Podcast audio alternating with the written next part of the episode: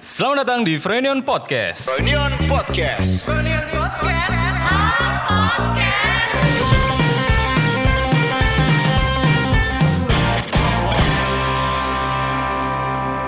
Selamat datang kembali di Friend Podcast bersama kita berdua. Iya. Episode ke Episode keberapa ya nih? ah, jadi 38. 39. 39 38 tuh udah gue draft, harusnya oh, naik. belum naik ya. Iya. Cir, ya, terus. Ini tuh 39. Hmm. Dan ini adalah Hmm. Dengan sangat excited gue persembahkan. Di, di, di. Pertama kalinya kita mengunjungi bertandang ke daerah Banten ya. Jadi, jadi yang udah kemarin kita omongin di uh, episode sebelumnya, Ya. kita punya agenda besar yaitu ke Banten untuk Yeah. ngebikin konten sebanyak mungkin, kayak yang di Bali dan di Jepang waktu itu. Betul? Salah satunya ada uh, adalah podcast ya. Podcast. Jadi kita di sini ada dua kali podcast. Yang, pertama ini dengan pemuda setempat lah, Akang Yoi. Teteh. A- A- teteh lah ya. Yoi. Mungkin bisa langsung diperkenalkan nih ada AA dan Teteh siapa? Halo, saya Utara Kalimaya. Dan saya Suaidirman bin Jafra. Oh. Tadi kayaknya Kang Jafran pas kenalan. Pas waktu namanya dipanjangin keren Jadi banget. Panjang iya. Eh, Kenapa nih Frank kita mengundang dua orang di sini, Frank? Jadi Akang Teteh ini eh, orang yang aktif di kolektifan setempat lah. Hmm. Yang namanya apa ya tadi Kang Teh? Laborat- Laboratorium Banten Girang. Laboratorium Banten Girang. Dari namanya udah Bro, ketika lu denger laboratorium berarti erat kaitannya sama eksperimen kan? sama erat kayak iya gak sih?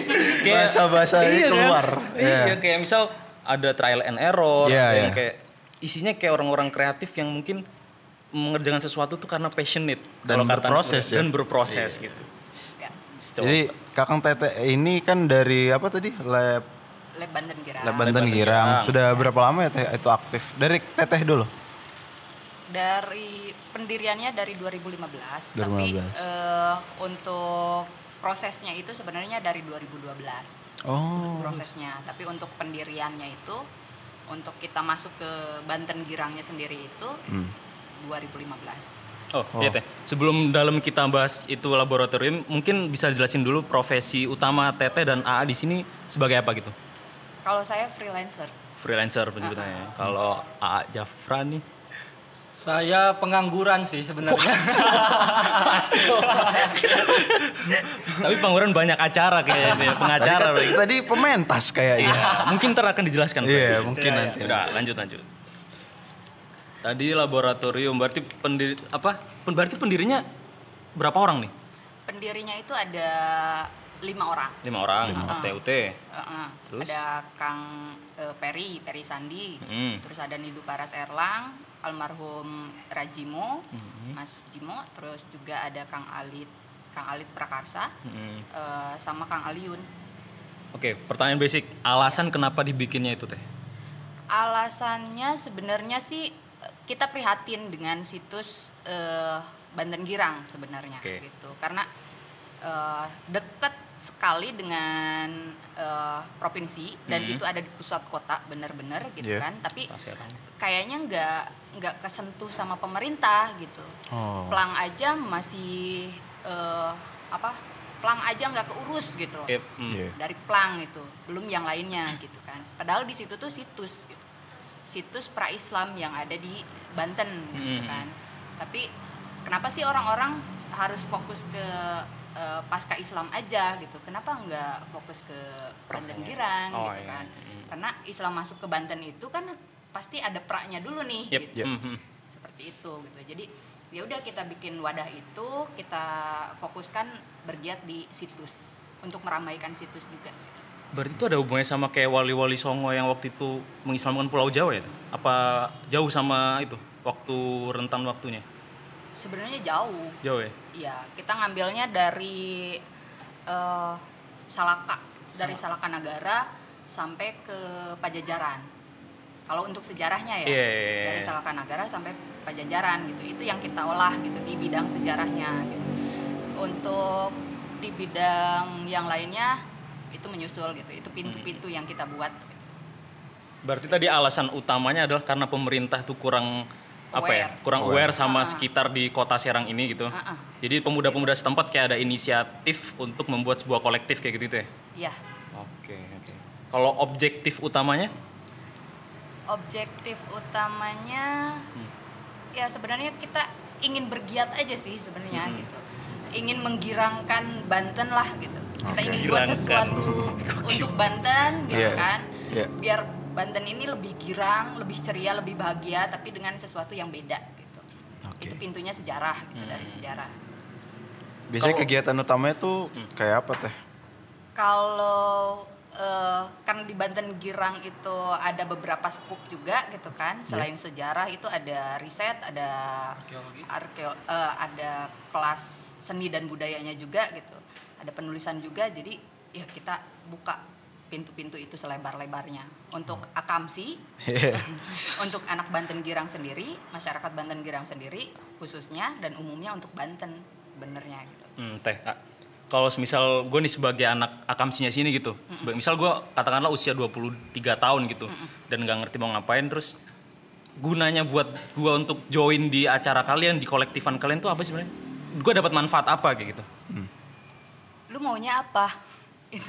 Ah. apa yang bisa lu kasih ke Banten Girang gitu kemampuan kemampuan apa yang eh, lu mau gitu dari Banten Girang gitu nanti kami sediakan gitu kita bareng-bareng gitu bergiatnya bareng-bareng seperti itu misalnya lu eh, aduh gue suka banget nih sama foto gitu Hmm. kan. Iya, iya. nah di kita tuh ada kelas fotografi gitu kan ada Oke. kelas fotografi lu bisa masuk ke situ gitu jadi sharing aja sih sebenarnya gitu kelas itu Oh, jatuhnya tuh sebenarnya kayak wadah doang kan. Maksudnya Ah, untuk wadah. misal orang nih eh, nggak tahu mau ngapain mending daripada waktunya terbuang sia-sia untuk ini nongkrong-nongkrong doang Iya, kayak iya. gitu-gitu Ah, kan. mending belajar bareng lah sama kita gitu kan Eh, Eh, lu tahu apa misalnya lu bisa apa gitu kan foto atau video gitu Ya. kan terus pengen sharing sama yang lain nih sama anak-anak kecil yang ada di Banten Girang y- ya ayo gabung gitu Kan ini em, wadahnya berarti seni ya teh ya? Yang sejarah, digunakan. seni Sejarah, seni. budaya sama movement sebenarnya ke pemberdayaan masyarakat juga kita masuk Oh, iya, karena goal goal kita eh, bu- bikin lab Banten Girang itu kampung sejarah sebenarnya itu goal terbesarnya kan sedangkan untuk untuk bisa masuk ke goal itu kita butuh banyak pintu tuh Iya, iya. Dari perekonomiannya harus gitu Betul. kan khususnya untuk Banten Girang sendiri untuk warga masyarakat Banten Girang sendiri gitu karena itu kita buka kelas-kelas itu dulu gitu. Teh, sebenarnya ini emang tanggung jawabnya Teteh untuk membesarkan apakah gini? Gue mikir barusan setidak melek itukah pemerintah untuk membantu movement-movement anak muda di sini gitu. Sampai ini jadi tanggung jawab kalian gitu untuk memberdayakan masyarakat di sini gitu. Mengedukasi juga. Iya, ya. apakah ini emang tanggung jawab kalian apa emang kesadaran diri? sebenarnya sih kesadaran diri lebih ke, ke- kesadaran diri aja sih apa yang bisa gua eh, kasih gitu untuk Banten khususnya gitu Eh, karena itu kita kita jalan aja dulu gitu apa yang kita punya gua gua basicnya dari sastra Ya. dari sastra gitu kan Oh, iya. apa yang bis eh, yang gua bisa gua kasih gitu meskipun eh, ya dikit gitu kan Hmm. gua nggak eh, ini banget gitu di sastra juga tapi ya udah gitu kita bareng-bareng aja belajar gitu. Mungkin ah, Jafra nih pengen ngomong sesuatu nih. Kayak dari tadi udah ngempet mau ngomong sesuatu nih. Itu kan tadi dari perspektif pendiri ya. Pendiri Teh. nih, Iya. benar. Sekarang dari pementas lah coba. Pementas seninya nih. Jadi ibaratnya kayak orang apa? Kayak teknisinya lah ya. Iya. Karena kan yang tadi dibilang Teteh juga kan Hmm. utamanya tuh pementasan kan dan isu yang diangkat dari masalah. Nah, iya. Dari Kang Japran ini biasanya yang Kang Kakang ini yang pementas atau yang menentukan isu ju- yang diangkat juga? Hmm. Hmm, Konseptor gitu mungkin. Kebetulan kalau saat ini sekarang Iya. pasca eh, pemegang kelas teater itu Kang Peri Sandi kemudian hijrah ke Solo. Ya. Nah, kelas teater penanggung jawab kelas teater kemudian dipegang oleh saya gitu. Oke. Untuk pementasan-pementasan eh, selanjutnya gitu loh untuk Iya. untuk sekarang-sekarang. Jadi ya lebih tepatnya ya saya bisa juga disebut aktor di lab Hmm. atau juga bisa disebut sebagai penanggung jawab eh, kelas teater termasuk pementasannya juga gitu. Sampai sekarang muridnya udah ada berapa Kang? Di kelas teater untuk sekarang ya 10 ke atas mah ada lah. Dua puluhan kalau dikumpulkan ya. Karena memang setiap garapan tidak semua orang-orang di Lab Banten Girang yang masuk Lab Banten Girang itu ikut garapan gitu. Ada yang kemudian dia ikut garapannya setelah garapan selanjutnya itu ikut. gitu. Hmm. Jadi nggak nggak setiap garapan semuanya ikut gitu. Oh, tergantung tema apa yang mau diangkat Iya. gitu, Kang. Gitulah. Nah, Kang, tadi kan kita udah dibalik eh, sebelum kita ngetik ini nih, Frank. Ya. Kita tadi udah ngobrol-ngobrol masalah kayak pementasan seni di apa tadi ngangkat isu pulau pulau apa aja tadi? Sang Eh, Pulau Sanghyang. Sangkiang. Sangyang sama terus ada kayak tadi gue tadi pagi nih Frank Iya. kan riset tipis-tipis ya Iya, iya. kayak ada eh, pulau Tunda ya jadi emang sebenarnya di daerah Serang sini tuh ada berapa, berapa banyak pulau sih yang kayak diurus oleh pemerintah terus kayak ada isu-isu apa gitu yang perlu kita ketahui gitu untuk isu yang menjadi isu seksi di Lab Banten Girang Ya, itu yang sendiri yang nih. yang baru Ah. kemudian yang baru diangkat isunya Hmm. dari berbagai pulau yang ada di Banten atau khususnya di Kota Serang itu baru Pulau Sanghyang. Oh, oke. Kenapa kemudian Pulau Sanghyang menjadi pusat perhatian dari eh, lab itu sendiri? Yep. Yep. Karena lab kan eh, juga berangkat atau bergerak di gerakan sosial gitu. Yep. Gerakan sosial yang kemudian mengangkat isu-isu eh, sosial di sekitar masyarakat. Kebetulan kemudian Pulau Sanghyang eh, sedang mengalami konflik agraria. Jadi, ah, ini berat nih bro Oh, udah, Agrarian udah. ini apa nih Udah Gua takutnya susah pendengar, nih. pendengar kita yang masih SMA Nggak ngerti nggak ya. ngerti apa tuh konflik agraria tuh Jadi konflik agraria kan bu- kalau kita sering meng- seli- eh, sering menganggap bahwa konflik agraria itu kan sebatas konflik Iya. perebutan lahan atau Iya. konflik sebatas tanah, tapi Iya. ternyata konflik agra- agraria itu mencakup berbagai elemen gitu loh. Kayak avatar. Jadi konflik agraria itu yes. ada api tanah Iya, iya, oke. Konflik agraria itu masuk juga ke soal lingkungan, soal air, soal pencemaran udara dan soal tanah juga gitu.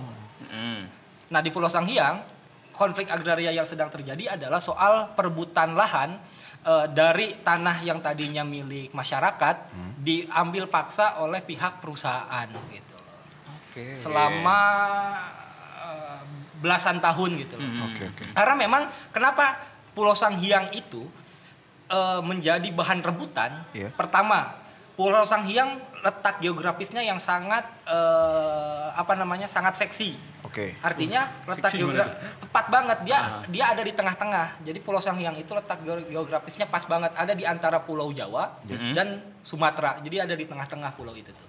Kedua, kalau teman-teman searching soal Raja Ampat Oke. di Papua, di Papua kalau nggak salah Raja Ampat empat tuh. pokoknya daerah Iya Raja timur. Ampat. Timur lah. Nah, Pulau Sanghyang itu mirip sekali dengan Raja Ampat. mirip apanya nih keindahan Keindahannya. oh aku belum tahu Gue juga baru tahu nih. Luas pulaunya itu ada sekitar 720 hektar yang memang di dalam pulau itu banyak sekali eh, destinasi wisata alamnya termasuk destinasi sejarah. Oke. oke Kenapa ada sejarahnya? Pertama, kalau ditariknya dari era kesultanan Ya. bahwa saya menemukan ada satu surat perjanjian atau surat penyerahan dari Kesultanan Lampung ke Kesultanan Banten dalam rangka menyerahkan Pulau Sanghyang untuk menyerahkan Pulau Sanghyang ke Kesultanan Banten untuk masyarakat Lampung yang ada di Banten. Jadi ternyata Pulau Sanghyang itu dulunya masuk geografis Lampung. eh, Lampung. Iya. Kemudian Kesultanan Lampung membuat surat penyerahan pulau ini ke Kesultanan ke Kesultanan Banten, Banten. untuk masyarakat Lampung yang ada di Serang, ada di Iya, Banten iya, untuk iya, ditinggali. iya, iya, iya. Terus keduanya kalau tarikan sejarahnya adalah ketika Perang Dunia Kedua, Ah. Pulau Sanghyang itu menjadi tempat persembunyian atau tempat eh, markas tentara Jepang di eh, Banten gitu. Iya, Jadi iya. di di Pulau Sanghyang itu ada bunker-bunker bekas peninggalan Belanda yang bunker tersebut kemudian ditutup dan disembunyikan oleh pihak perusahaan. Hmm. Gitu. Jadi untuk masyarakat luar oke. yang pengen masuk nih, pengen saya penasaran amat pengen tahu ke bunker di belah mana. Itu kita nggak bisa masuk Gak karena boleh tuh. wilayahnya, wilayah bunker itu ada di wilayah perusahaan.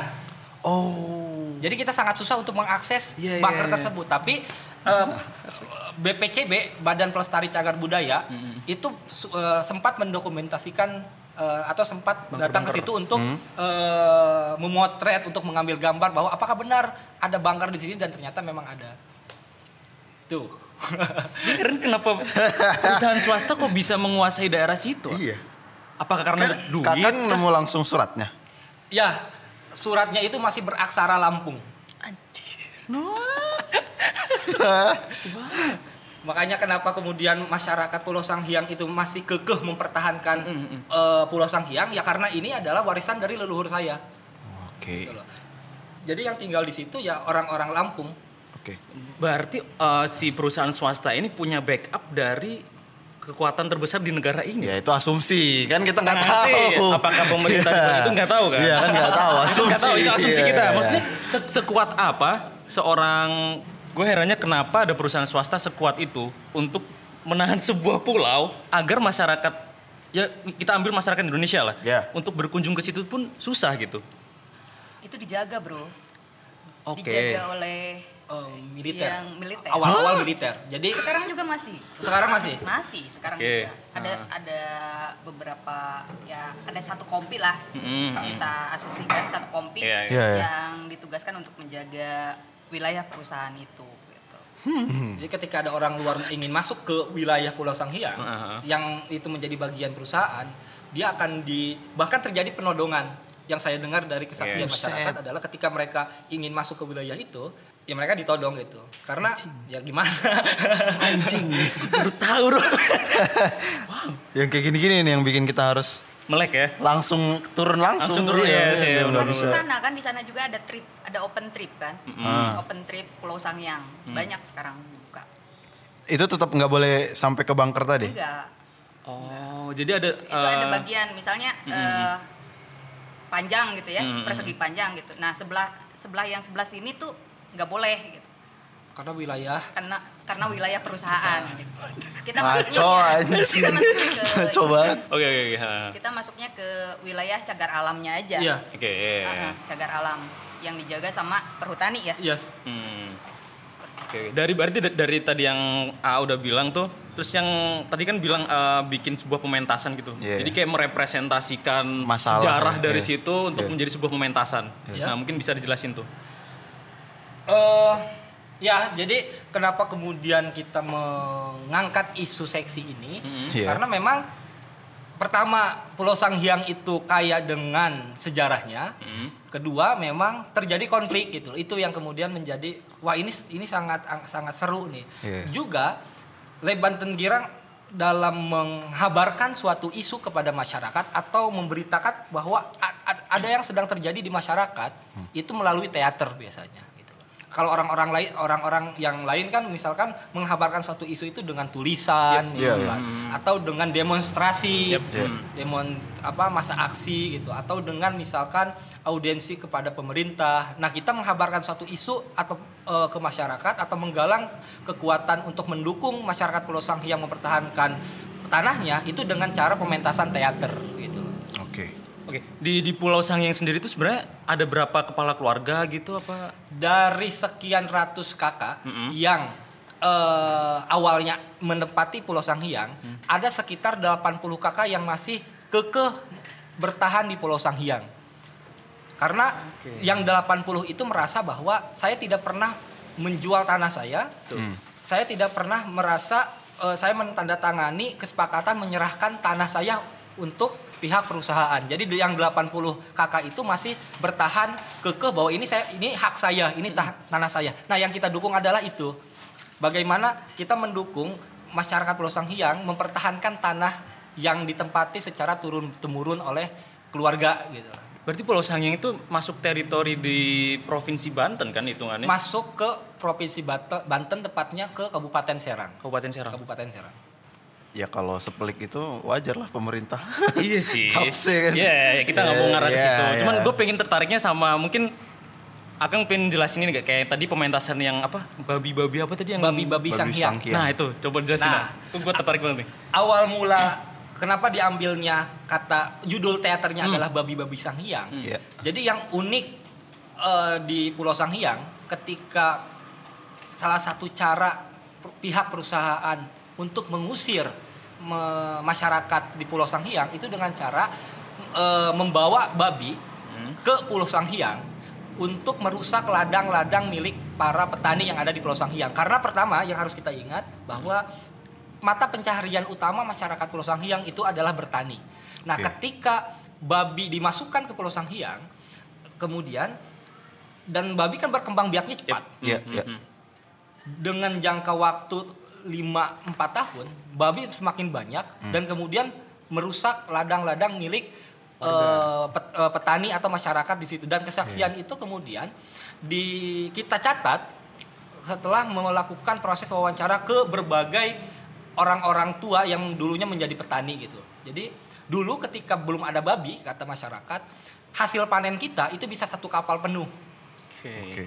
sekarang hasil panen kita tidak ada karena eh, setiap kita bertani atau bercocok tanam menanam apa pun itu pasti akan rusak. Karena dirusak oleh babi.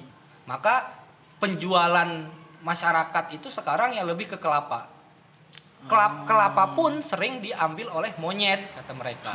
Jadi di bawah kita dirusak oleh babi di atas kita diambil oleh monyet gitu tuh. Monyet itu didatengin juga oleh yang tadi. kalau monyet kayak entah saya nggak tahu tapi kalau kalau babi ketika saya nanya kepada orang yang sudah sepuh di situ yang umurnya hampir 80 lebih ketika saya tanya "Eh, Pak apakah dulu ketika Bapak muda gitu dah apa ketika masih muda di Pulau Sanghyang ini ada babi? Tidak di Pulau Sanghyang jadi babi itu kata dia bukan binatang endemik Pulau Sanghyang Oke. Ta- Nah, pasca perusahaan masuk, babi didatangkan gitu. Jadi pas- pasca perusahaan ada setelah sekian tahun perusahaan eh, bermukim atau eh, ada di Pulau Sangyang itu, di tahun berikutnya baru ada babi gitu loh. Didatangkan dari luar pulau. Itu. Nah, makanya yang kita angkat adalah babi-babi Sanghyang gitu. Hmm. Jadi ikonnya adalah babi gitu. Jadi babi itu adalah salah satu cara dari pihak perusahaan untuk mengusir masyarakat dari Pulau Sanghyang. Jadi ketika mata ketika mata pencaharian kita sudah hilang, ap- apalagi alasan kita untuk tinggal di pulau ini. Betul, Toh ya. kita sudah tidak bisa bercocok tanam karena setiap setiap kita bertanam apa pun, menanam apa pun akan rusak oleh babi gitu loh. Oke, oke, oke, itu oke. gitu. loh. Jadi salah satu caranya itu dengan dengan dengan Main babi untuk mengusir gitu. Oke, oke. oke.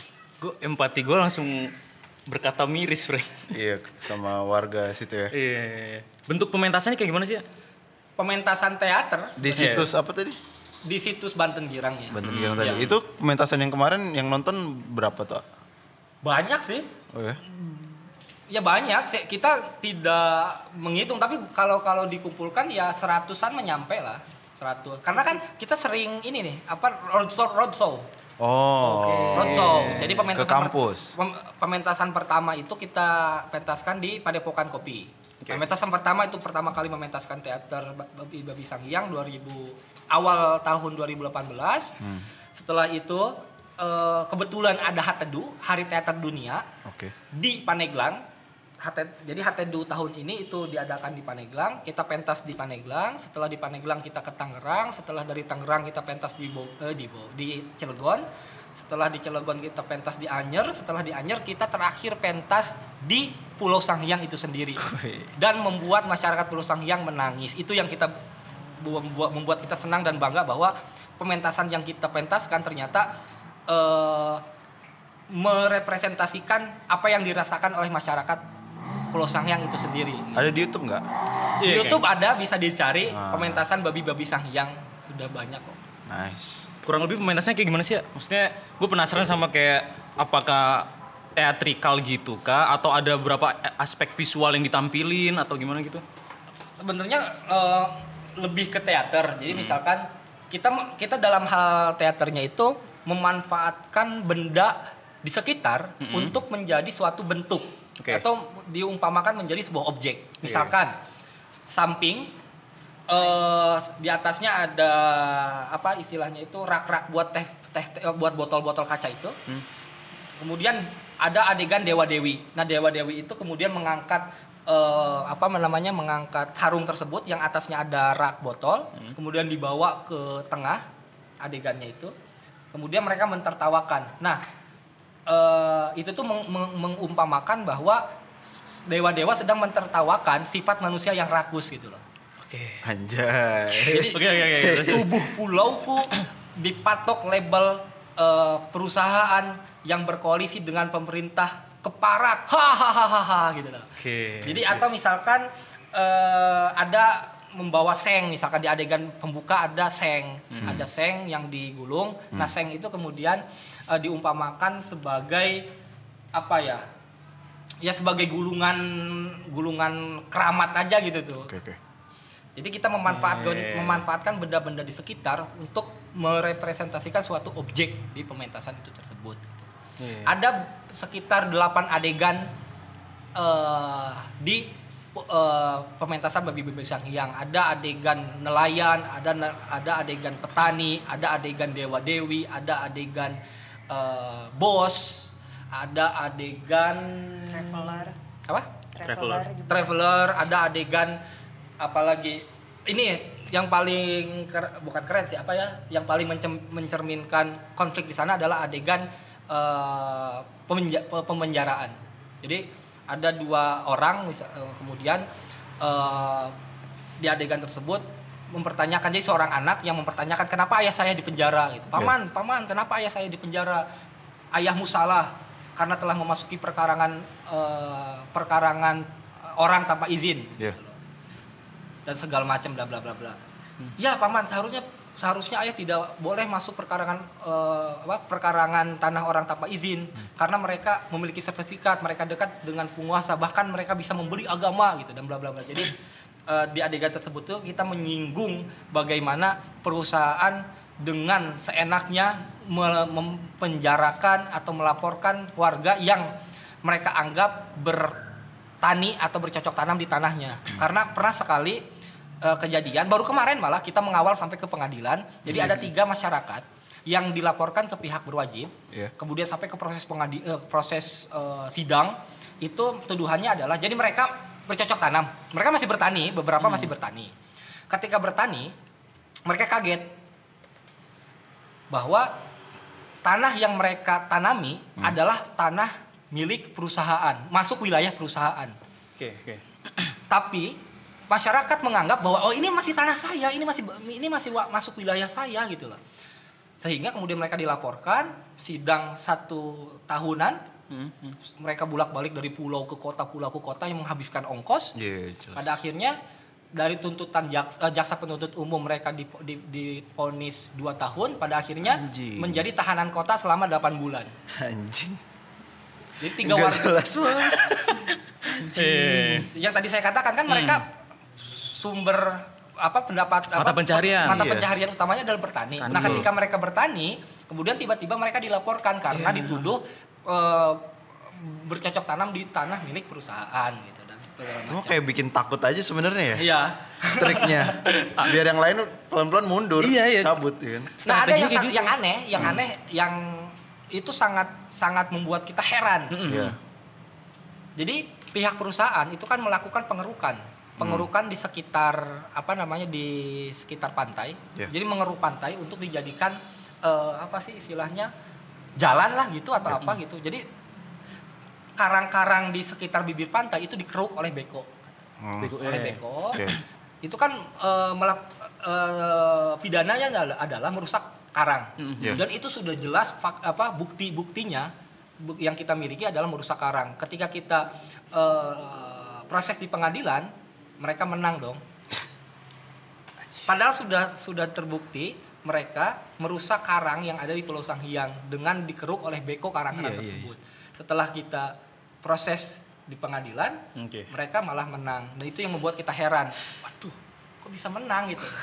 Belakangan kita ketahui. Iya. belakangan kita ketahui ternyata backingan perusahaan tersebut ya di nasional Oke. Ya, tahu lah. Oke, oke. Makanya sangat cukup berat Cua, untuk cua, untuk cua. kita eh, melawan perusahaan, maksudnya ber eh, ya melawan perusahaan untuk menang gitu loh. Oke, oke. Ah, gue kan sekarang di kita take nih Frank di Iya. 17 Agustus. Uh, iya. Kita di sekarang tuh hari proklamasi. Iya. Lu ingat gak eh, presiden kita pertama pernah ngomong eh, suatu saat Hah? kita akan di melawan penjajah dari luar negeri itu maksudnya dari luar Hmm. itu nggak ada apa-apanya ketika ntar kita dijajah oleh bangsa kita sendiri. Iya, betul. Barusan gue yang yang gue dengerin dari A dan Teteh ini, gue merasakan itu cuy. Kayak ketika gue mikir sekejam itukah untuk apa ya melawan sebuah apa ya kayak kumpulan masyarakat yang emang menempati tempat itu sendiri gitu.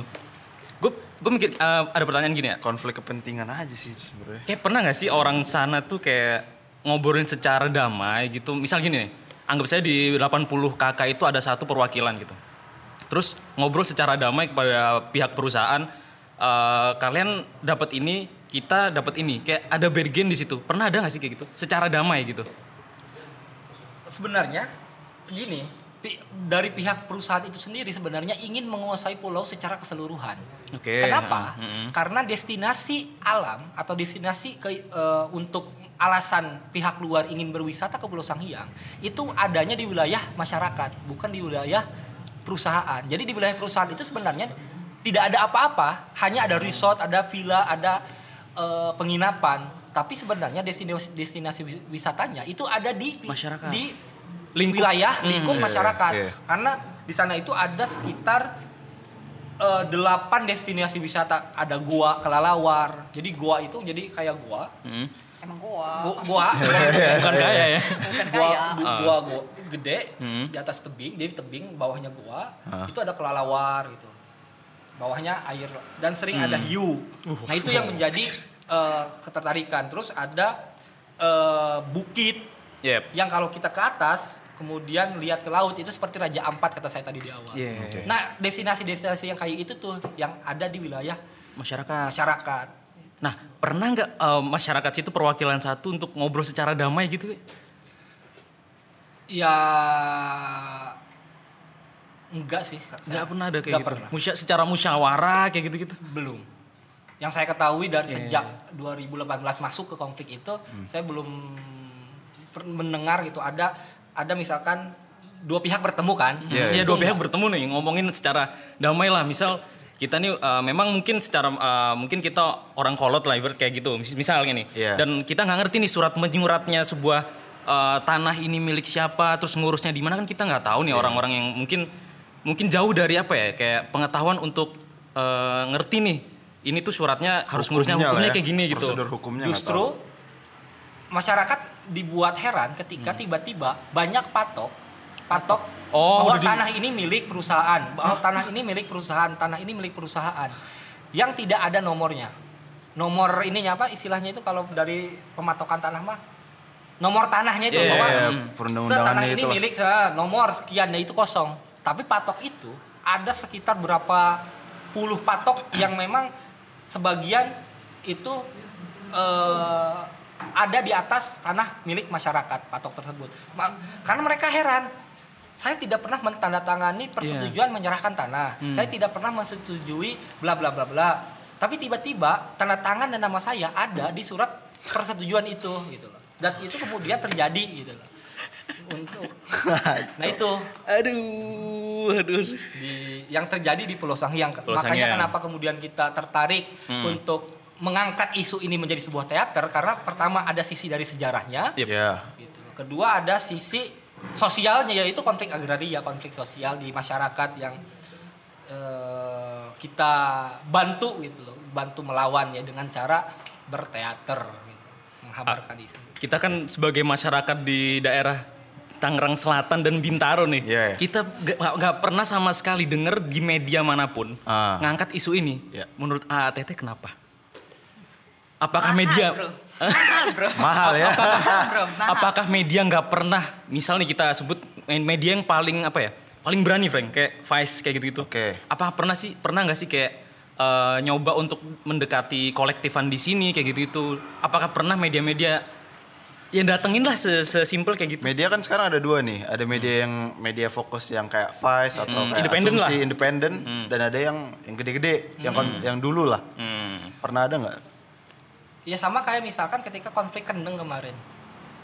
Konflik- Kendeng. Misalkan kayak konflik kendeng kemarin, petani kendeng Ah. untuk men- menolak bandara, menolak tambang, eh apa Oh, namanya oke, perusahaan Iya. semen itu, Hmm, ya tahu tahu, pernah itu. mereka beberapa kali aksi cor kaki, Yap, tahu. aksi apa pun di Jakarta di depan Istana Merdeka. Oh, apakah kemudian oh, ada media iya, iya, besar iya, atau iya, media iya. independen atau media nasional yang fokus dari awal sampai berakhirnya perjuangan mereka itu fokus ke perjuangan mereka. Ya sama aja kayak gitu gitu. Iya iya iya. Apa? mau lu di depan pun lu gedor-gedor. Iya, iya, iya. Kalau dia nggak mau ya. Segitu segitu petani kendang yang ibu-ibu Ah. yang Iya, iya, melawan Mm-mm. untuk apa menolak adanya pabrik semen di Kendeng. Iya.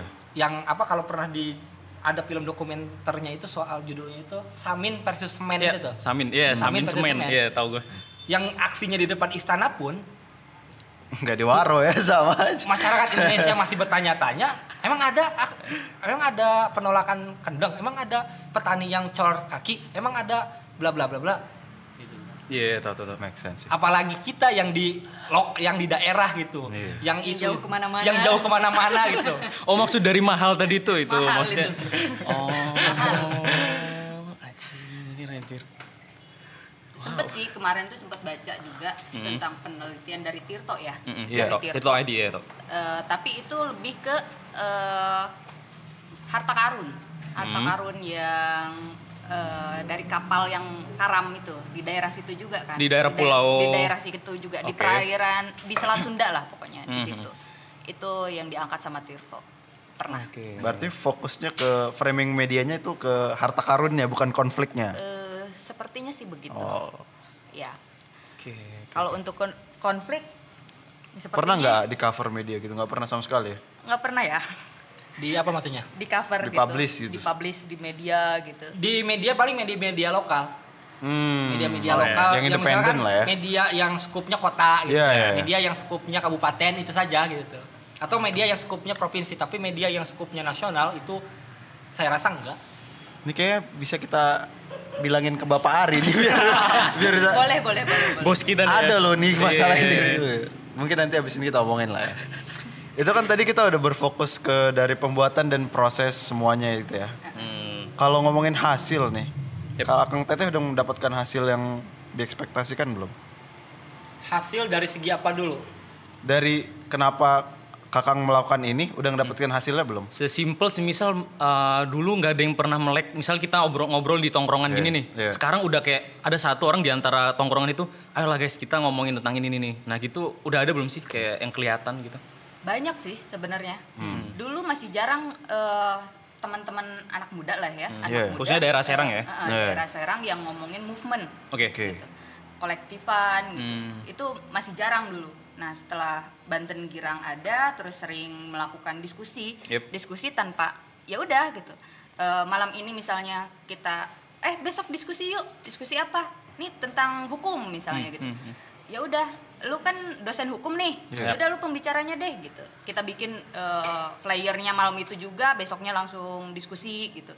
Itu rutin terus dilakukan sampai sekarang ya bisa dilihat lah di media sosial banyak gitu Oke. banyak yang melakukan itu juga Pernah bikin ini gak sih teh? Apa kayak TUK-nya gitu tolak ukur keberhasilan dari performan ini nih?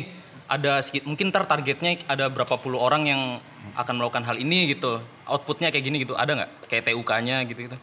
Kalau kita bikin acara kan misalnya gue di kampus dulu kayak eh, harus eh, memenuhi TUK ini, misal tercapai itu segini. Berapa orang berapa gitu ya, orang kayak gitu. targetnya ya. Hmm, pernah ada nggak? kalau kita lebih bebas sih dibebaskan Oh, ke eh, hal itu ya udah kita eh, lakukan dengan riang aja gitu Hmm. Oke. riang seperti itu seperti eh, seri diskusi girang aja yang eh, di masa pandemi ini walaupun misalnya yang ikut diskusi itu cuma 10 orang ya udah gitu kita lakukan karena eh, kita mencoba melakukan apa pun tuh dengan riang gitu berapapun jumlahnya yang ikut eh, ya sudah kita lakukan saja Yang penting dia mau tahu gitu ya. Heeh. Yang penting habis datang ke acara itu dia ngulik tuh habis itu melek Iya. masalahnya. Ya bang, ya bang. ya Oke. Karena sih tugas kita mah hanya misalkan eh tugas kita kan hanya sebatas men- menghabarkan atau misalkan Menyuarakan lah ya. menyuarakan atau misalkan memberitahukan kepada masyarakat luas bahwa soal apa pun itu atau kalau dalam sisi teater ya tadi itu gerakan sosial ada isu ini atau dari sisi sejarah ada ini dan segala macam mau kemudian orang eh, mendengar itu atau ikut kepada diskusi ini atau misalkan ikut pada perjuangan itu pada perjuangan ini itu tidak jadi masalah gitu loh karena tidak semua orang kan eh, sama passionnya Iya, tidak iya. semua Betul, orang iya, suka iya. dengan gerakan sosial Iya. tidak semua orang suka dengan sejarah gitu loh Ya kayak kemarin misalkan kita bikin Banten Girang Writers and Cultural Festival. Oh, Banten tuh? Girang Writers and Cultural Festival itu ya sama kayak Borobudur Writers and Cultural Festival gitu yang Hmm. mengkaji soal sejarah. Ya tugas kita hanya ada adalah menyampaikan sejarah alternatif gitu loh. Menawarkan suatu wacana tentang sejarah gitu loh. Mau orang mengamini Hmm. sejarah alternatif itu ataupun tidak, terserah yang penting kemudian kita punya punya versi soal sejarah Yeah. misalkan kayak kemarin kita mengangkat tiga isu penting pertama itu soal sejarah alternatif Baduy sejarah alternatif Banten Girang sama sejarah alternatif Tiong Tionghoa Banten nah tugas kita tugas kita kan hanya memantik memantik Oke. itu Oke. wacana itu muncul karena kan kita laboratorium Banten Girang gitu Yeah. laboratorium kan harus menghasilkan satu wacana Yep. me- me- me- menawarkan satu wacana Betul. Ya itu gitu loh atau yang terbaru nih yang terbaru itu soal festival Sungai Cibanten atau Sungai Peradaban Oh, apa tuh? jadi di Banten itu ada satu sungai yang memang melahirkan saat tiga peradaban Mm-mm. Wow. yaitu peradaban Salaka, Salaka Negara, peradaban Banten Girang, sama peradaban Kesultanan. Nah, fungsi sungai Cibanten itu sendiri adalah menjadi jalur peradaban karena jalur Oh, iya. dagangnya dulu Mhm. di Banten itu melalui sungai Cibanten. Nah, itu yang kita ingin angkat gitu loh. Hmm. Nah, tawaran kita kepada publik adalah oh bahwa ternyata sungai ini adalah sungai peradaban yang melahirkan tiga pera- peradaban di Banten gitu loh. Mau orang mengamini atau tidaknya soal sungai tersebut atau soal tiga peradaban tersebut terserah gitu. Yang penting kita sudah me- menawarkan satu wacana bahwa ada sungai yang melahirkan tiga peradaban, Ya, yaitu Salakan Negara dari abad pertama di Banten. Oke, oke. Ah, ini kan ngomongin masalah komunikasi ya. Berarti dari eh, sebuah isu, A dan TT itu mengkomunikasikannya lewat performance art kayak gitu-gitu. Gue keinget sama zaman Wali Songo, dia mengkomunikasikan apa ya, menyebarluaskan agama Islam itu menggunakan wayang kayak gitu ya. Ya. Dengan apa ya? Di saat itu memang eh, lagi gaung-gaungnya nih orang hiburannya adalah wayang kayak gitu-gitu. Ya. Nah, sedangkan ATT kan masih menggunakan teatrikal yang hitungannya tuh kalau yang gue bilang itu masih konvensional gitu. Kayak kayak sekarang nih kita tahu ada kayak misal bentuk art tuh ada kayak eh, interaktif art kayak gitu-gitu entah lewat apalagi sekarang sosial media tuh lagi gaung-gaungnya tuh. Ya. Pernah nggak kepikiran dari mungkin tim research and developmentnya dari lab sendiri tuh pernah nggak kepikiran mungkin teatrikal ini udah apa ya? ter- Efektif kali kurang ya. efektif gitu dan mungkin ada media lain yang bisa digunakan untuk menyuarakan ini gitu. Ada nggak dari tim risetnya kayak gitu-gitu? media karena memang kan di lab itu tahun ini kebetulan ada empat kelas Oke, ada kelas teater kelas riset kelas penulisan sama kelas eh, sama kelas visual oke. ya paling dari dari dari itulah misalkan dari kelas visual dari dari satu isu ini misalkan kemarin yang saat ini garapan terbaru itu soal teater eh, monyet-monyet gunung X kepala batu Waduh, apa lagi tuh? monyet-monyet gunung X kepala batu itu garapan terbarunya kita Mhm. soal konflik tambang batu yang ada di Gunung Mokol Hmm. Oke. Nah, dari empat kelas itu itu kan saling bersinambungan. Artinya saling bersinambungan itu yang yang melakukan riset adalah kelas riset. Mm. Yang dari terus dari kelas visual melahirkan apa? Iya, iya. Dari kelas penulisan menghasilkan apa? Outputnya Dari apa kelas gitu. teater yang menghasilkan pertunjukan yaitu Iya. Nah, itu paling dari situnya Oh, Oke. da- oh, bentuk-bentuk pengkampanyean eh, pengkampanyean atau pengabaran lain bentuk lain kan Bentuk lain, ya, ya, ya, dalam menghabarkan sesuatu Ya. selain pementasan yaitu melalui tulisan visual dan hasil riset Oke, oke, oke. Sebenarnya waktu gua kuliah dulu, Frank, kayak misal dari anak desain komunikasi visual tuh, Hmm. dia lagi apa kayak pas waktu tugas akhir itu lagi gencar-gencar nyari isu-isu terkini dari berbagai daerah. Oke. Kayak misal dulu di daerah gua kan di Surabaya. Ya. Kayak misal daerah sini tuh orangnya kurang melek masalah batik kayak gitu-gitu. Ya. Pernah nggak ada mahasiswa gitu entah dari yang gua tahu dari Serang ini kan banyak universitas nih. Iya. Ada nggak dari mahasiswa itu untuk eh, apa ya mencoba menggali lebih dalam ini terus eh, membawakannya dalam bentuk tugas akhir kayak gitu-gitu. banyak Oh, banyak. bahkan terbaru ada ini mahasiswa Untirta jurusan seni drama tasik seni drama musik dan tari. Buset. itu yang skripsinya soal pementasan di Banten Girang Oke.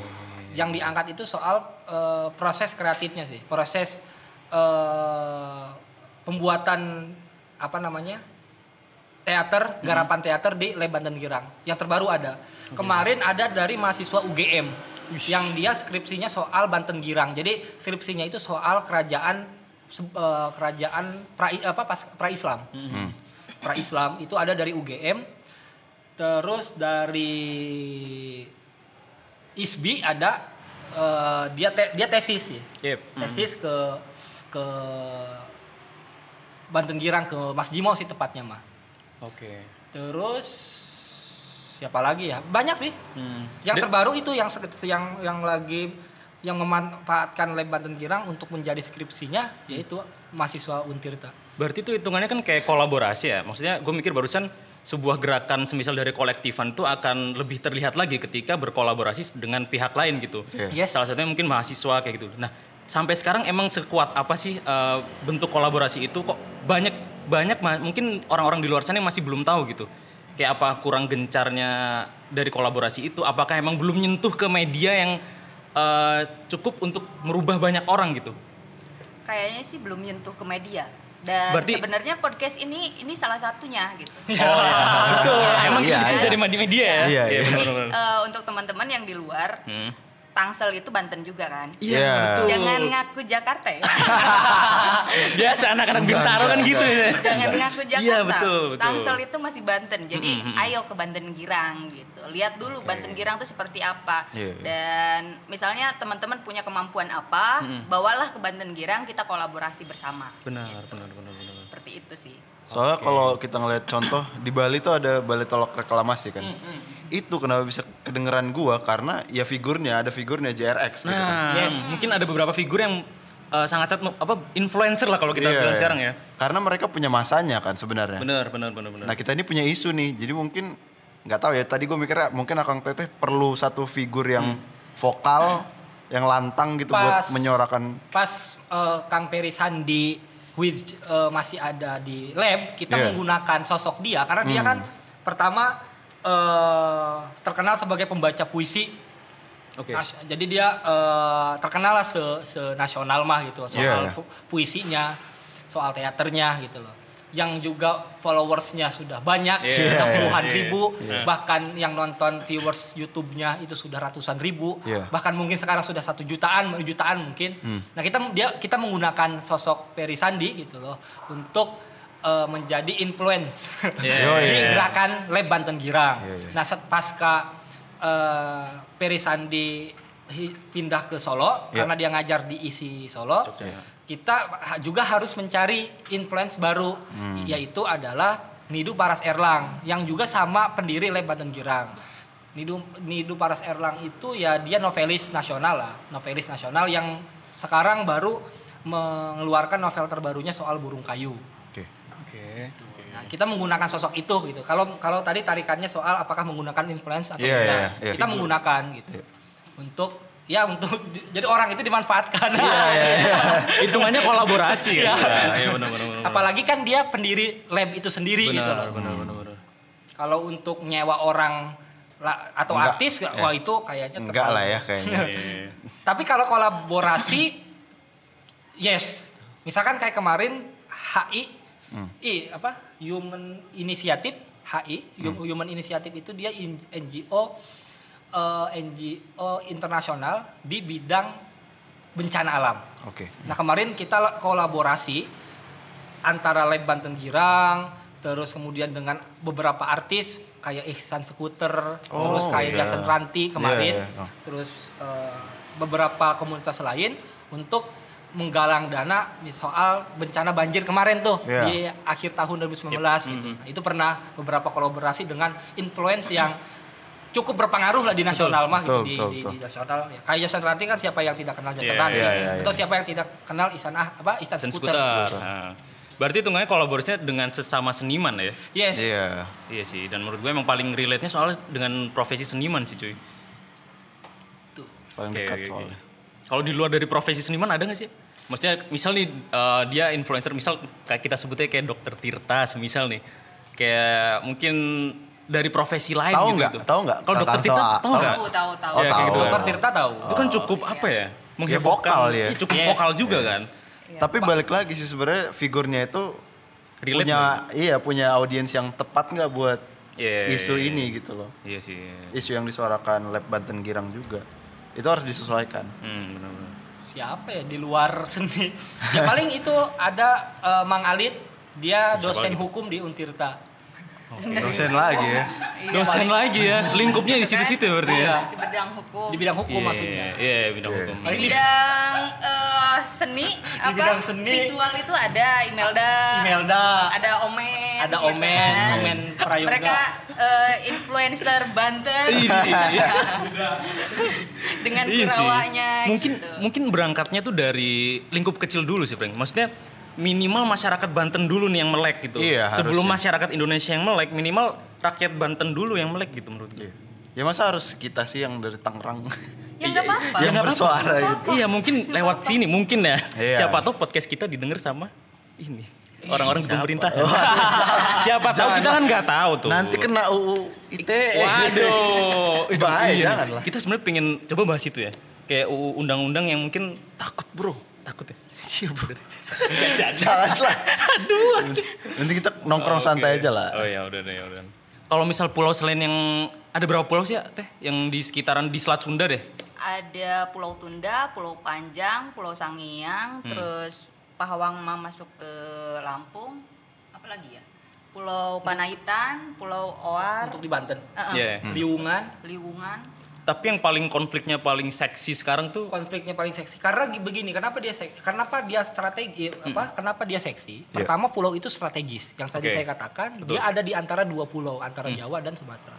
Nah pulau itu kemudian kenapa menjadi pusat perhatian? Karena di awal ketika pemerintahan gubernur, gubernur Atut Ratu Hosia di ketika zaman presidennya SBY ada rencana soal pembuatan jembatan dari Selat Sunda ke Hmm.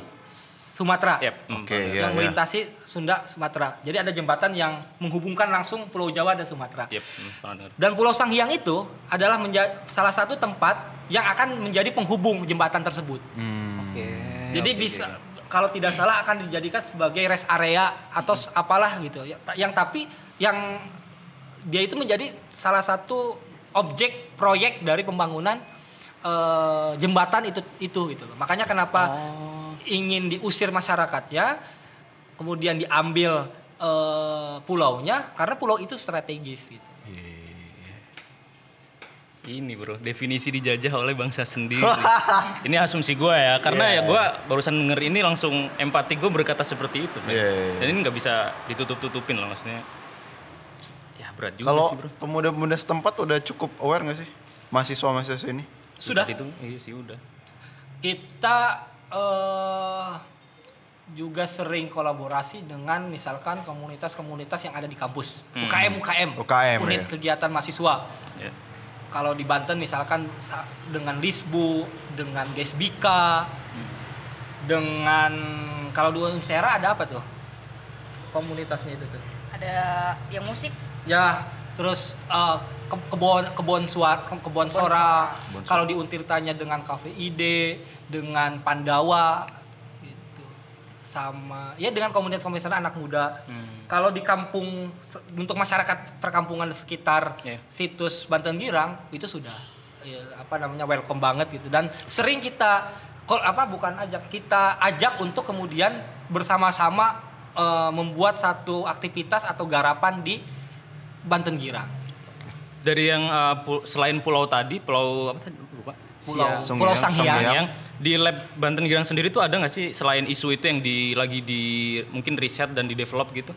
ada Yang akan datang berarti Yang mungkin ya? yang akan datang kayak itu gitu-gitu. sebenarnya kita lagi ngumpulin naskah. Naskah. Yes. Naskah eh, wawacan Banten Girang. Mm-mm. Eh, nanti silakan di search aja sama Oke, teman-teman. mhm, Oke. Jadi itu naskah masih bahasa Jawa. Jadi kita kita coba eh, translator lah gitu kan. Yeah. Dari bahasa Jawa ke bahasa Indonesia dulu. Nanti dari situ tuh eh, itu akan menjadi bahan kita untuk menentukan langkah ke depannya. Entah Yeah. itu jadinya pementasan atau jadinya eh, riset gitu Hmm. kan. Hasil riset itu akan terlihat di situ. gitu. Lalu ada juga eh, wacana untuk eh, mendokumentasikan wayang garing. Aduh, apalagi tuh yang garing. Wayang garing ini wayang khas eh, Banten sebenarnya dan Oh. itu pemainnya itu tinggal satu. Tinggal satu dan dia udah tua gitu. Oke, Dia ha. udah tua. Jadi kita berusaha untuk ayo kita dokumentasikan ini wayang wayang garing ini menjadi wayang girang gitu. Wayang girang. Garing girang, oke. Ah, ah. Oke, oke. Oke, oke. Begitulah. Sama yang terbaru kerjakan. juga tambahan, Ah. kita lagi juga mau garapan soal jadi kita sedang mengumpulkan nih cerita-cerita lokal yang ada di Banten, cerita-cerita masyarakat soal baik itu legenda atau apa pun yang berkembang di masyarakat untuk dijadikan komik dan animasi. Oke. Ah. Hmm, Jadi cerita cerita Banten kita bikin apa? Berbagai dipis- media. Yeah. menjadi komik, cerita bergambar sama dibikin animasinya. Itu yang Oh, oke. sedang Iya, proses. iya. Yang on progress ya. Ya yang selain yang tadi Hmm. ini itu proses Oke, oke, oke. digarap Oke. Oke, Untuk tahun oke. depan lah ya. untuk tahun depanan. Karena itu sih karena pandemik lah ya. Oh iya, iya, benar itu juga ya. Karena pandemi, dampaknya dampak dampaknya langsung terasa. ya. Terasa sangat- sekali. Sangat terasa. Jadi oh iya, berarti nggak boleh ngumpul. Sementara nggak ada aktivitas dari Lebanten Girang. Nah makanya kita bikin seri diskusi girang. Yang alhamdulillah sekarang sudah ke 10. Barusan hari ini ke 10. Oh yang seri. tadi teteh bilang itu. Oh, itu webinar tuh ya. Webinar. itu webinar Oke. Itu base-nya dari riset ya. dari riset. Dari riset. Jadi eh, pembicaranya ini eh, orang-orang besar yang eh, kebetulan mereka sudah kaya raya gitu. Jadi nggak perlu kita bayar lagi. Oke, gitu iya, iya, iya. Meskipun ya di situ kita melibatkan dari unsur pemerintah gitu kan. Tapi Hmm. Sebenarnya gitu kalau misalnya kita buka ke dapur kitanya Oke. itu nggak nggak ada sama sekali gitu. Kita jalan ya jalan aja gitu. Diskusi ya diskusi aja tanpa melihat anggarannya berapa ya gitu. Iya. Enggak. Perduit-duitan tuh ya. Nggak ada duit dan Nggak ada anggaran malah. Nggak, nggak ada Karena kita anggaran. mengisi kekosongan ketika pandemik saja gitu. Oke, oke. Dan tema-tema yang diangkat termasuk pembicaranya adalah pembicara-pembicara yang memang sudah besar. Misalkan kayak tema pertama itu soal apa? Menjadi Banten. Menjadi Banten. Waduh, apalagi buku, tuh? Buku yang dibuat oleh eh, Bang Bang Kianes, dia dos eh, doktor di dan juga dosen di UIN Bandung. Oke. Kita bedah eh, bukunya soal menjadi Banten. Jadi menjadi Banten itu apa serat centini ya, teh. Menjadi Banten itu sejarah Banten lah, Hmm. sejarah Banten. Terus diskusi keduanya itu soal buku ke apa namanya kesepuhan Banten Kidul. Terus berhubung kemarin lagi ada HIP, HIP apa haluan ideologi Pancasila. Oke. Kita bedah bukunya dosen Untirta soal rekapitulasi Pancasila apa sih? Redefinisi. Redefinisi, redefinisi Redefinisi. Pancasila. Terus Terus Baduy juga Oke. kemarin kan rame Baduy, banget tuh Baduy. Isu Iya. Baduy Hmm. kemarin. Baduy eh, kita tuh kemarin sempat ada dua apa tiga diskusi itu tentang Baduy juga Yes. gitu kan. Baduy dari sisi eh, lumbung bad, lumbung Baduy eh, sebagai per- ketahanan pangannya ketahanan pangan. gitu kan. Dari ketahanan pangannya kita bahas. Terus dari isu agama, Oke. agama juga kita bahas. Ada pembicaranya khusus gitu karena mereka risetnya kan beda-beda gitu. Ya. Nah, yang pindah agama itu itu Kang siapa? Eh, yang dosenmu. dosenmu. Kang Ibnu. Kang Ibnu. Oke, oke, Kita manggilnya Kang Ib- Kang Ibnu ya. Dia lagi eh, disertasi ya Yes. di Belanda Oke, jadi oke. kita bahas Oke. di situ. Dibuka untuk umum teh. Dibuka untuk umum. dibuka untuk umum. Di Instagramnya ada nggak sih? Di Instagram Lab, Ada. Di- Lab Banten Girang at apa? At lab.bantengirang. Oke. Oke. Itu ke situ aja yang, yang Berarti- mau ikutan ya. Ah, misal ini udah mau mendekati satu jam nih Frank kita ngobrol. Iya, iya, iya. Ini nggak terasa ya. Jadi lo ada pertanyaan terakhir nggak? Gue ada soalnya. Belum. Gue pengen nanya ini nih sih, ah, teh kayak goal, eh, goal dan gong terakhir. Dan mungkin mungkin sampai ah, teteh tua antar visi utama yang akan yang teteh dan ah, cita-citakan tuh apa sih? Untuk Lab Banten Girang sendiri dan untuk Banten dan mungkin untuk Indonesia. Atau misalnya kalau yang ini udah kelar nih, Hmm, gue mundur deh udah gitu. Nah, Kalau untuk Banten Girang sendiri sebenarnya dari awal itu gongnya itu kampung sejarah kampung sejarah, oke. untuk Banten Girang. Maksudnya dianggap pemerintah sebagai kampung sejarah gitu. Ya. Oh. Oke. Gitu. Dari segi dari pemerintahannya Oke. ya, dari kemasyarakatannya juga iya gitu. Oke. Jadi eh, masyarakat Banten Girang itu bisa berdaya Hmm. gitu kan. Terus kampungnya juga bisa ya dikenal masyarakat sebagai kampung sejarah Ya. seperti itu. Nah, setelah itu Mm-mm. kami baru mundur gitu. dan pindah lagi ke tempat yang lain dengan nama yang lain Oh, gitu. Berarti goal terakhirnya tadi ya kampung Kampung sejarah. sejarah itu tadi. Kalau dari Ya. Kakang? Hmm, Kang Jafra nih. Kalau saya apanya nih? Gol terakhir nih. Golnya sebagai pementas. Oh, iya.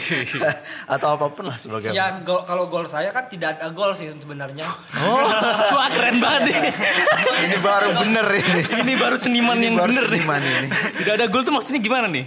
ya tidak ada gol, ya kita terus berjalan gitu loh. Oke. Kita terus berkesenian, kita terus eh, berteater, Mm-mm. kita terus berkesenian, kita terus berteater, kita terus eh apa namanya?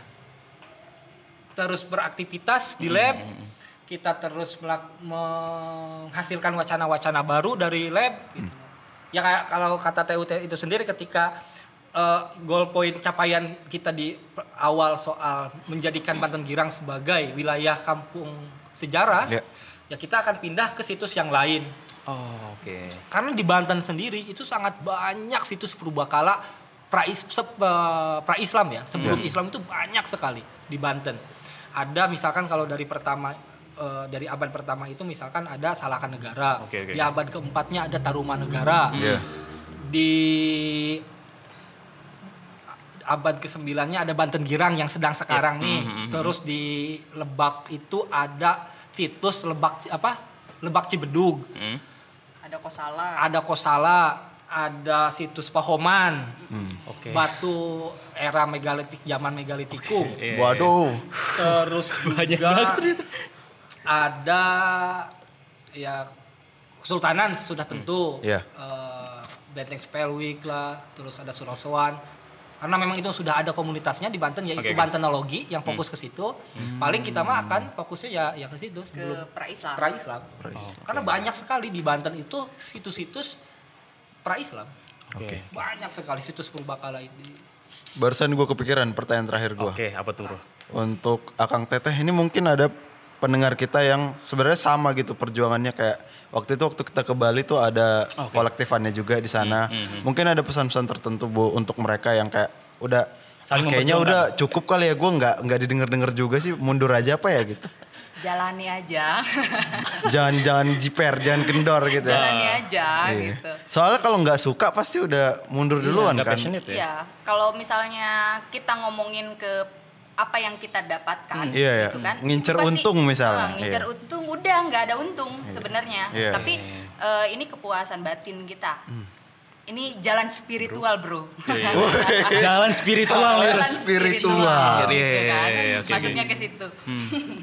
Oke. Jadi ya oke, jalani aja gitu. Apa pun iya, iya, itu, iya. kalau bukan kita siapa lagi gitu. Ingat ke eh, pesan dari proklamator kita. Oke, iya, ya iya, kan? iya, iya. Jas merah kan, jangan lupakan sejarah gitu. Jadi ya jalani aja gitu. Kita girangkan aja. Oke, oke, oke, oke. Banten Girang. Banten kira, Bro. Gila, gila, Tapi oke, oke, oke. tante girang ya. Bahaya kalau itu. Jangan, jangan. ceria, ini ceria. Ini memang sih di Girang hotel, ceria. cuman enggak sih. Ya, oke lah, oke. Dari Kang Jafra sendiri ada gak? Kayak pesan terakhir gitu. Kalau dari TUT tadi kan jangan lupakan apa jas merah Sejarah, tadi ya, iya. sejarah, jangan lupa sejarah. Dari Kang Jafra nih. Pesan untuk Ya, teman-teman anak Teman-teman muda yang lah ya. lebih muda yang, punya pasti- kolektif yang udah mundur, yang udah mau mundur. Hmm, ada Wah. kayak perasaan gue dapat untung apa sih kayak gitu. Iya. adalah ya kalau kan untuk anak muda mas sebenarnya eh, anak muda kan harapan zaman Betul, ya, ya. anak muda itu harapan Bangsa. bangsa, Bangsa. Iya. dan segala macam bahwa kita yang saat ini eh, berumur 20 tahun Hmm. 10 20 tahun ke depan kan kita lah yang akan mengganti orang-orang yang sekarang sedang duduk di pemerintahan yang Hmm. sedang sekarang menjadi tokoh Yang punya tertentu, kuasa ya. yang punya Iya, iya, kuasa. iya.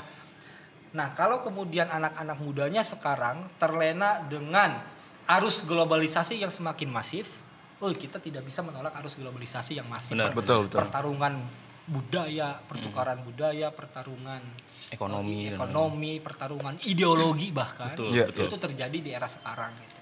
Itu tidak bisa dihindari. Maka saran saya adalah kepada anak muda Hmm.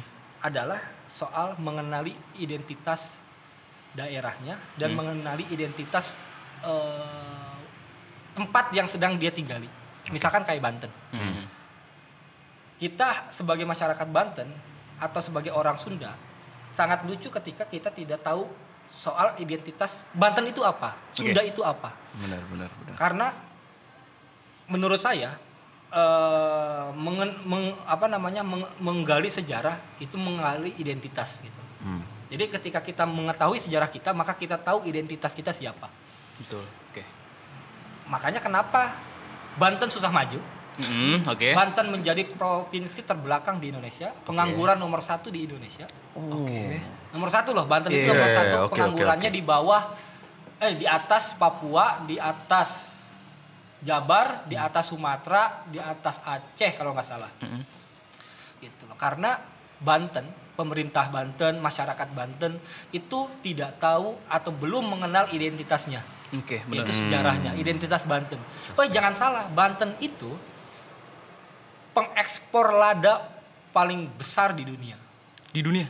Di dunia. Kerjasama antar negaranya sudah terjalin bahkan di era Salakan Negara. Bahkan sebelum Masehi pun Banten Girang sudah, eh, Sunda maksudnya atau Ah, Banten ah, itu sendiri iya, iya. sudah menjalin hubungan dagang dengan Cina, dengan Eropa, dengan yang lainnya gitu. Jadi Banten Oke. itu sebenarnya Sunda itu sendiri adalah peradaban yang sangat maju, yang sangat eh, diperhitungkan bahkan di internasional gitu. Bahkan di, di di berbagai negara dulu ya.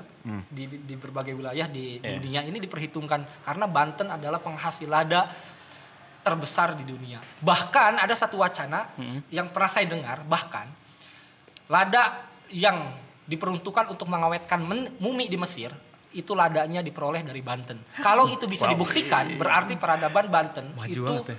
Sudah Iya. maju sejak dulu gitu. Oke, oke, oke, oke, oke. Itu- sebenarnya dari semangat yang mereka suarakan nih kawin banget sama semangat kita. Semangat Frenion. Yoi, yoi, kelokalan yang arif, Bro. Kalau kalian yang belum tentu arif, Iya, bro. iya, iya, lu tuh harus tahu masalah daerah lu apa. Hmm, identitas lu apa kayak gitu. Iya. Ya mudah-mudahan pembicaraan kita sejam belakangan ini memantik sesuatu lah ya di hati ya. kalian lah ya. Apa pun itulah. Ya, mungkin mungkin dari lab eh, sendiri tuh kayak hasilnya mungkin belum kelihatan sekarang. Semoga 10 atau 20 tahun ke depan udah mulai kelihatan benih-benih dari penerus bangsa ini yang mungkin ntar akan memegang penuh kuasa di Indonesia ini sendiri, Bro. Anjing. Mungkin. Aswin, Kita nggak tahu nih, Aswin bro. bahasanya the best ya. Oke lah, itu jadi penutup Lu sih gue saranin sering-sering main sama Kang sih. seneng Cocok bro. sih ya. cocok sih. Cocok, cocok. Sering-sering aja ya. Sering aja lah, boleh, sudah. boleh, boleh. Karena seru bro kalau kita ngomongin tentang daerah, terus kita ngumpul sama kolektif-kolektif tuh membuka cakrawala lah. Bro. Iya, kalau gue sih merasa pintar. Sedikit melek Merasa- lah ya. Ya tapi pintar boleh, snob jangan lah. Yoi. Jangan sok tahu ya kan. Yo, bro. Ya udah. Oke. Mungkin ntar eh, tadi apa media sosialnya mungkin pendengar-pendengar kita pengen kepo banget nih sama yang barusan kita omongin dalam waktu sejam ini. Dari mungkin dari YouTube-nya ada atau mungkin dari Instagram atau Yang Facebook. mau nonton teaternya mungkin tadi ya. Atau mungkin yang live mungkin ke depan apa aja. Instagramnya itu ada lab.Banten Girang. Oke. Terus juga Oke. untuk Web. YouTube-nya itu ada Laboratorium Banten Girang. Terus untuk Yang mau join Twitter- webinarnya tadi Uh-uh. bisa di Instagram ya. mau join di web di Instagramnya ada, ah. di Instagram Lab Banten Girang ada, di Instagram Seri eh, diskusi seri diskusi Girangnya ada, gitu. Oke. At seri diskusi Girang itu Oke. eh, Instagram khususnya. Hmm. Oke. Untuk di Facebook ada Laboratorium Banten Girang. Di Laboratorium situ. Banten Girang. Mungkin kita ntar bisa tulis di deskripsi ya. Ya. Biar lebih jelasnya. boleh, boleh. Oke, ya itu jadi penutup kita di episode Froyonion Podcast ke-39 ya. Iya, iya, iya. Bersama gue Aswin DC dan partner gue Haris Franky. dan bintang tamu kita. Ada Utara Kalimaya. Dan Suedirman bin Jafra Oke. Weh, Kang Jafran udah kan? Kang Jafra. Dari Lab. Banten Girang. Oke. Terima kasih teman-teman yang sudah mendengarkan. Terima kasih. Sampai jumpa. Bye.